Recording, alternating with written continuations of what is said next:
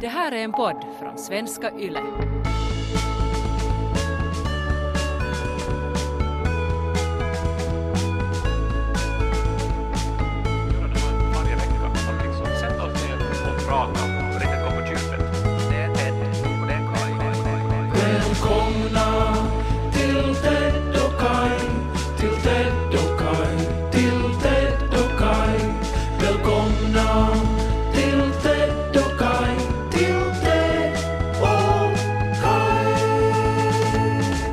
Jag hade ett ögonblick av klarsyn eh, när jag eh, var på metron på vägen hit.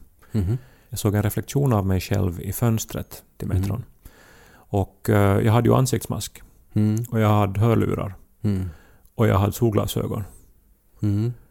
Och jag var som... Vänta nu. Jag är ju de där tre aporna. De där tre visa aporna. Som, De var väl inte visa? Var de inte rädda för, för ondska? Var det inte så här att jag ser ingen ondska, jag hör ingen ondska och jag säger inget ondskefullt? Ja. Jag började ju genast läsa på om det här nu då. Och det är ju alltså en japansk traditionell konst det här då. Mm. Eh, jag är ju expert på sånt. Men jag var tänkte inte- säga att måste du läsa in dig på det? Ja, men det här kände jag inte till. Det här, det här var Ja. lite nyare. Det här stammar Ja. från 1600-talet. Just det. Jag är ju mera på de här äldre dynastierna. Ja. Mm. Eh, men uh, alltså det är ju... Alltså hear no evil, see no evil, speak no evil. Jag visste inte att det var då alltså... Det härstammar egentligen från en ordvits. Och det, det är ju roligt att, Jaha. att ordvitsar lever kvar. För alltså, för det japanska språket är precis som finskan, att man liksom bygger på ord med olika ändelser och förleder och så vidare. Mhm. Och eh, alltså uttrycket på japanska då är mitsaru, kikatsaru, iwatsaru. Och uh, zaru är liksom en negation. Så det är Mm. liksom se inte, hör inte, tala inte. Men Ja. saru betyder också apa. Jaha. Så att eh, det är liksom en ordvits. Mm. Och det är ju kul tyckte jag. Mm. Visste du att det enda som Mahatma Gandhi ägde, vet du vad det var? En apa. No, det, var det, det var en sån här liten eh, skulptur föreställande de här tre aporna. Okej. Jag tänkte alltså sådär som ett skämt att han hade som en liten herr Nilsson. Det finns väldigt få likheter mellan Pippi Långstrump och Mahatma Gandhi i övrigt. Båda två är väldigt starka människor. Nu inte lyfter ju Mahatma Gandhi en häst inte. Nej. Det var väl lite oklarheter med Mahatma Gandhi också, varför han alltid skulle sova i tält tillsammans med väldigt unga kvinnor. Var det inte något sånt? Hade han en kappsäck full med guldpengar någonstans? Jag menar, han var ju, Mm. han, han, han blivit en ikon och ett brand och reste ju jorden runt och drog ju fullt Mm. på arenor och Men så hela den här med Proseluskan, det var väl nog Pippi? Som klädde ut sig. ja, nej men det där att, att hela det där att han, nu ska du in på barnhem och hela den biten, det var väl nog Pippi det. Jag blandar väl inte nu? att det skulle ha varit att hon ville ha in Mahatma Gandhi, ja. Det är Och- bara roligt om att, att man ibland, att det kommer fram att förlåt, jag blandar mellan Gandhi och Pippi. Nej, det har aldrig blandats tidigare. Ja. Men båda två var väl sorglösa kan man väl säga i alla fall. Här kommer Mahatma Gandhi!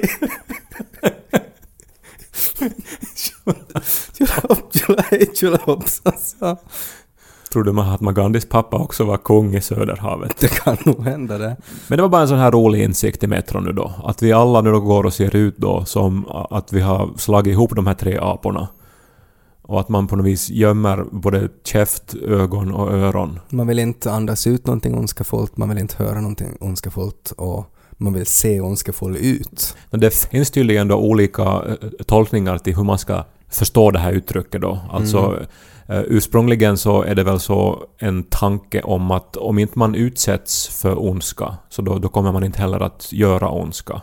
Mm. Så att om man inte ser, hör eller pratar eh, ont så då liksom går det inte vidare. Ja, för att människan är oskyldig, liksom. Föds oskyldig och blir bara ond om man utsätts för ondska. Nu är det ju om Mahatma Gandhi skulle ha ridit på en prickig häst. Mm. Nu kan ju vara ännu mer ikonisk då. Mahatma Gandhi, rullgardina, kryssmynta. Puut vuossar botling, som talar sitt så popna popcorn, så börjar vi popnödena popcorn, så börjar vi lys på Ted och Kai. Det är ju fasansfullt det här med Vastamos eh, uppgifter som har läckt ut. Mm. Ja, alltså, alla är väl överens om att det här är som bara liksom det vidrigaste man kan göra. Att Mm. liksom utpressa människor som har blottat sig själv och liksom försökt ordna upp sina liv på pengar. Mm. Fasansfullt. Det är vidrigt. Och eh, jag såg nu på nyheterna igår att eh, tydligen nu då så har ju polisen då olika spår men att eh, det, de kan inte liksom förstås prata om dem offentligt för att det skulle ge information då till de här människorna. Men det intressanta var att eh, de hade som en sån här så att säga en illustration av den här förmodade hackaren då Jaha. som fanns då i bakgrunden i TV-sändningen då under hela Ja. inslaget. Mm. Och vet du vad det var? Nej, jag vet inte. No, det var en, en, figur med hoppare. Ja, Alltså huvtröja. ja, men det brukar vara ganska intressant alltså att hur man så här TV-mässigt visuellt ska framställa eh, hackers. Alltså det, det är, brukar vara just så här huvtröjor, man är så här framåt lutad över en keyboard och kanske röker samtidigt som man skriver jättesnabbt. Men alltså, för jag tänkte, det här är ju som någon sorts, någonting som vi upprepar nu då år efter år, att så här ser liksom en, en sån här tonåring, en, sorts datageni ut då liksom. Mm. Men alltså när ska vi som uppdatera det här? Dels, nu, nu vet jag inte, men har de verkligen liksom fysiska keyboards? Eller sköter man det här på något annat sätt idag? Kan man inte göra det på en laptop? Eller till och med kanske från någon sorts eh, sån här, vet du, hybridplatta, vet du, eller någonting. När du säger hybridplatta, vad menar du då? Nej men en sån här som har, vet du, en skärm och sen har den ett löstagbart keyboard som också funkar som Ja. fodral. Jag vet inte vad det här heter. med ergonomiska funktioner. Nej men jag tänker, är det någon idag som går med här stora keyboards? Ja, man har nog fortfarande keyboard. Om man har en stationär dator så har man en keyboard. Menar du nu man eller menar du jag? Att du har Nej, det kvar? överlag. Människor som sysslar med datorer har keyboard. Svaret är ja. Min mamma har keyboard. Din mamma har keyboard. Ja, men jag tänker som de andra har ju inte en stationär Nej, dator. jo, det har man. Om man, om man sysslar med, eh, med allt vad hacking innebär, då har du en stationär dator och en keyboard. Svaret är ja, det har du. Men har man hoppare då? Jag tror att man är faktiskt ganska benägen till att ha hoppare. Vad, vad är den grejen då? Lisbeth Salander hade ju också hoppare i Mm. de här Millennium-böckerna. Nå, det är väl en så här grej som unga människor har hoppare och, och hoppare har väl överlag associerats lite till kriminell verksamhet för att du, du, du drar det över för ditt huvud och så, så ser man inte vem du är. Jag har ju hoppare just nu, för jag tycker Ja. ju att det är, Är du en otroligt... hacker? Nej. Har din mamma keyboard? Jag tycker att det är otroligt eh, dels praktiskt Mm. och, och, och snyggt. Varför är det praktiskt? För att man kan dra upp huvan om det börjar regna eller blåsa. Plus att om, om polisen kommer så kan du dra upp huvan och så är det lättare att försvinna i en eh, folkmassa. Så alltså, det det är väl nog, jag tror att medien har väl nog tänkt helt rätt, men att oftast är det ju på något sätt den här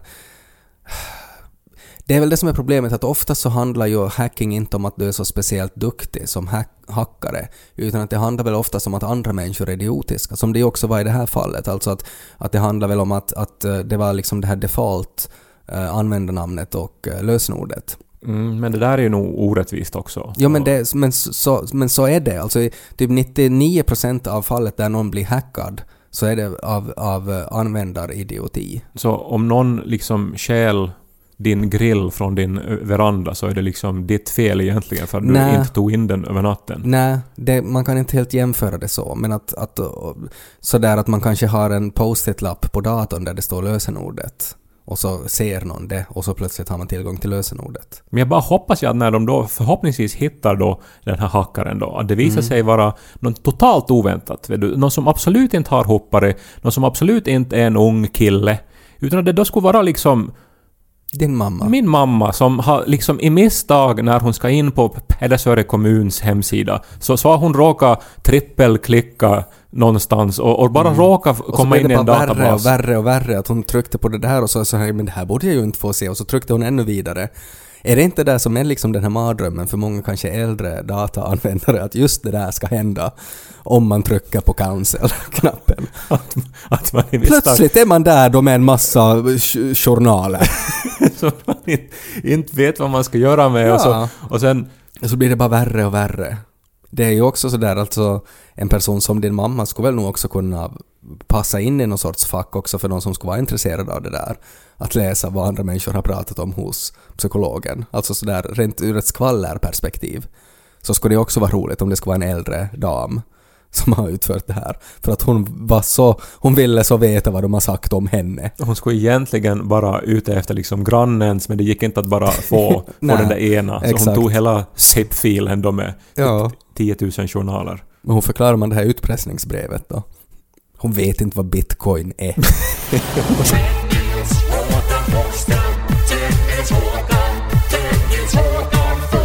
I högstadiets eh, klasstidning som man gjorde på åttan så fanns det en sida där eh, man skulle skåda in i framtiden och så ska man sätta en bild av hur man tror att eh, en person kommer att se ut och vad den kommer att jobba med. Mhm. Och eh, på min bild så var det då en bild av Fox Mulder från X-Files och så stod det att, att jag kommer att jobba som data cracker.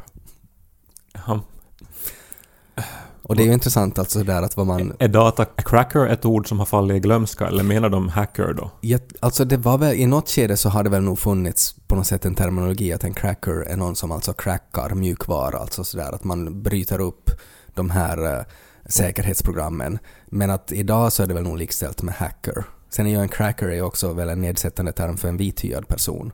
Så det kan ju hända att det var det de menade också, men jag tror inte.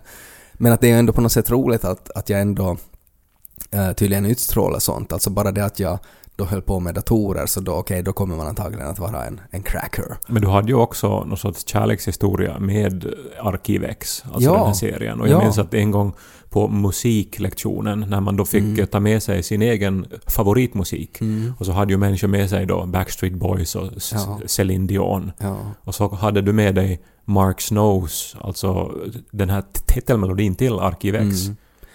Och det, det måste jag ju nog säga att eh, då var ju du ju coolast i klassen. Nej, då. det var jag ju nog inte. Jag, skulle nog, jag, jag minns det nog som så att människor var så här, vet du, alltså man hade som inte haft en aning om att det gick att tänka så, att man kunde ta en liksom TV-series Ja. titelmelodi.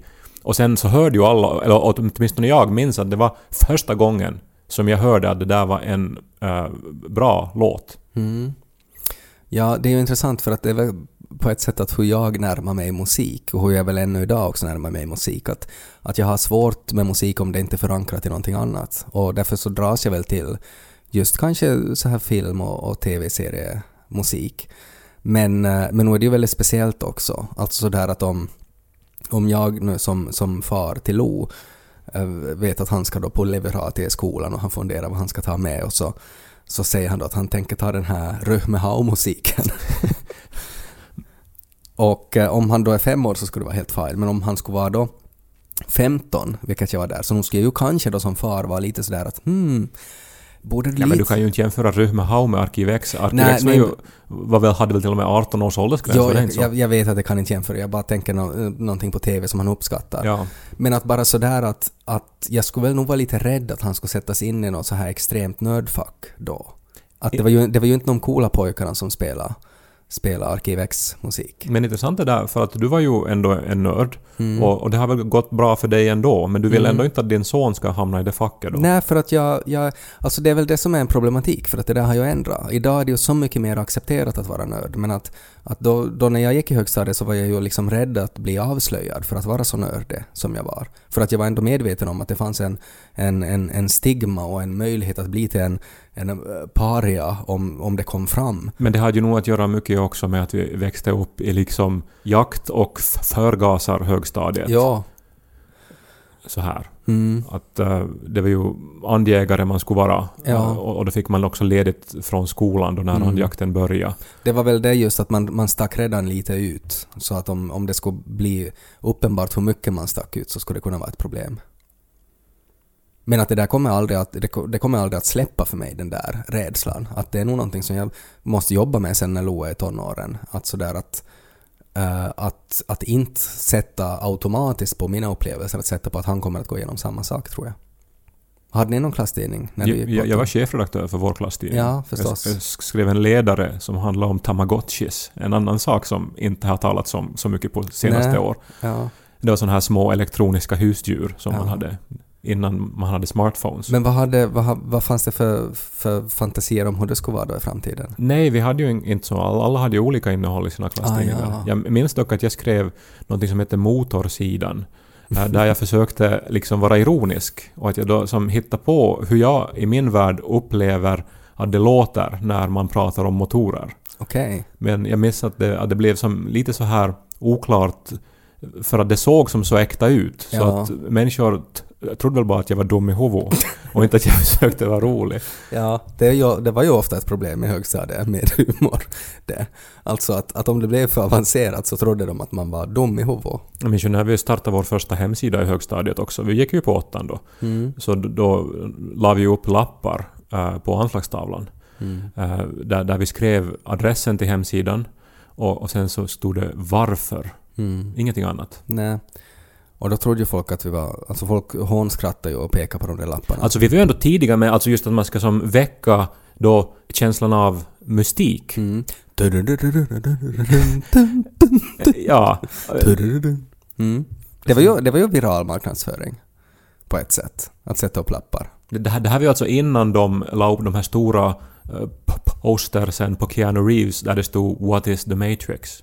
Det var ju då marknadsföringskampanjen för filmen Matrix. Mm. Alltså det, det, det var som så här att man skulle bli nyfiken och att man skulle som undra över att vad va, vad är det här nu då? Mm. Det var ju också, om, om vi återgår till den här hacker-klädstilen, så den ändrar ju lite med Matrix också. Då ska man ju ha läderjacka plötsligt. Då ska man inte ha hoppare. Så här lång trenchcoat, ja. Mm. Jag hade det eh, några dagar nog i högstadiet. Jag minns att det var du och dina vänner från Purmo som ett tag hade Mm. den här lång, allt för långa Ja, men det var jag och en annan. Eh, och han hade nog före mig. Eh, och så hade jag på mig nog några dagar, men, men sen måste jag nog sluta för det kändes... Hade ni också såna här snabba glasögon som de ju har i Ah. Matrix? Han hade, jag hade inte. Eh, att där, där drog jag ändå gränsen. Men att jag, jag, jag... Det var väl kanske den här medvetenheten där också om att, att nej men nu sticker jag ut för mycket. Och, och att jag hela tiden pendlar mellan det där att jag ville ändå på något sätt visa långfingret åt folk och vara sådär att om jag kan ha en svart läderrock så kan jag väl ha det. Men att sen kände jag mig inte... eh, jag kunde inte identifiera mig riktigt i den där läderrocken. De här dåvarande Wachowski Brothers som gjorde Matrix, nuvarande The Wachowskis, Mm. så har ju nu gått ut med att The Matrix är ju alltså då en allegori över hur det är att vara transperson. Mm. De har ju genomgått könsbyten, Könskorrigering. könskorrigeringar förlåt, och eh, det här... eh, det är ju intressant att idag gå tillbaka och se filmerna utgående från det Mm. perspektivet. Det är faktiskt jättelänge sedan jag har sett Matrix. Men hur som helst, vi satte då upp just lappar då på anslagstavlorna då, där det stod ”Varför?” Mm. och så var adressen var zap.to slash pleppo. Mm, och sen när man klickade in den där adressen så då stod det därför. Ja, Och så var det en bild av en nunna som höll upp en pistol eh, mot en. mm, det, var, det var sån humor vi sysslade med. Mm. Men grejen var ju då att vi försökte ju väcka den här nyfikenheten, men också kanske vara lite roliga. Mm. Men människor trodde ju att det här var alltså den kristliga skolgruppens reklam. Ja. Och de slet ner våra annonser och de skrev Men de hade väl, den kristliga skolgruppen hade väl också lite samma marknadsföringstänk? Att det var, det var kanske också lite sådär viralt. Eh, men jag vet inte de, om det skulle då ha stått varför och så skulle väl de då när man klickar in på den adressen så skulle det då ha varit Jesus som stod där med en pistol och så står det därför.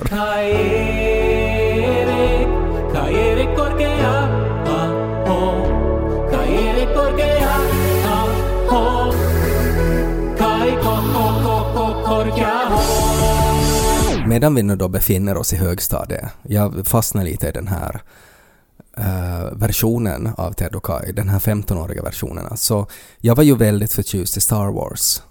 Det här kommer kanske inte som en chock för någon, men att det, det, det var jag ju, har jag ju alltid varit, uh, sen jag var liten och också då som 15-åring. Att det var ju en, en väldigt stor händelse minns jag när eh, min pappa lyckades få tag på en piratkopia av The Phantom Menace eh, som han hade då fått alltså bränt på en CD. Din pappa var alltså en datacracker. Han var, alltså någon form av datacracker måste han ju ha varit som fick tag på det här. Han hade sina kontakter.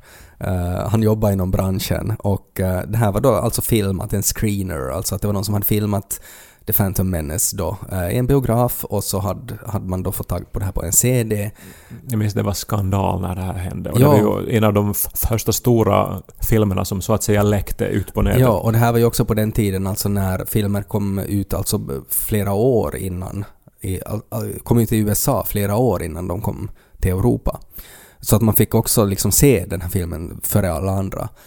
Men att då hade vi då det här och så hade vi fixat med en, vi hade en sån här projektorduk vi hade rullat fram och så, så tittade vi på den här då via datorn och det var en stor händelse och jag tyckte väldigt mycket om den. Jag har väl berättat om det mest skenheliga ögonblicket under min kristna karriär. Och Det var ju hemma hos oss i Åbo när jag hade min bönegrupp på besök. mm. Och så tittade vi på The Passion of the Christ som du hade piraterat från internet. Mm. Det är roligt. Det är, lite kul. jätteroligt. Men i alla fall så, så det, mitt förhållande till Star Wars har kanske också ändrat uh, från den här pojken som jag var då till, till den här mannen som jag är idag. Uh, att det har nog svalnat, det här intresset. Det måste jag ju medge. Alltså för att jag tycker att de här nyare filmerna inte alls har hållit måttet. Alltså att de... Det, det, det är inte förstås... Jag menar allt handlar ju också om nostalgi och sådär och vad de här filmerna betydde för en när man var liten och de kommer ju aldrig förstås att betyda samma sak. Men att också om man bortser från det så tycker jag att rent film och storymässigt så har de inte varit lika bra helt enkelt. Alltså att de made no sense en stor del av storyn och, och att jag tycker att eh, många karaktärer liksom inte alls uh, beter sig på ett sätt som de borde göra. Men du vill alltså att Star Wars ska make sense? Jag menar, det, här är ju ändå historier skrivna men här- framförallt för att tilltala unga.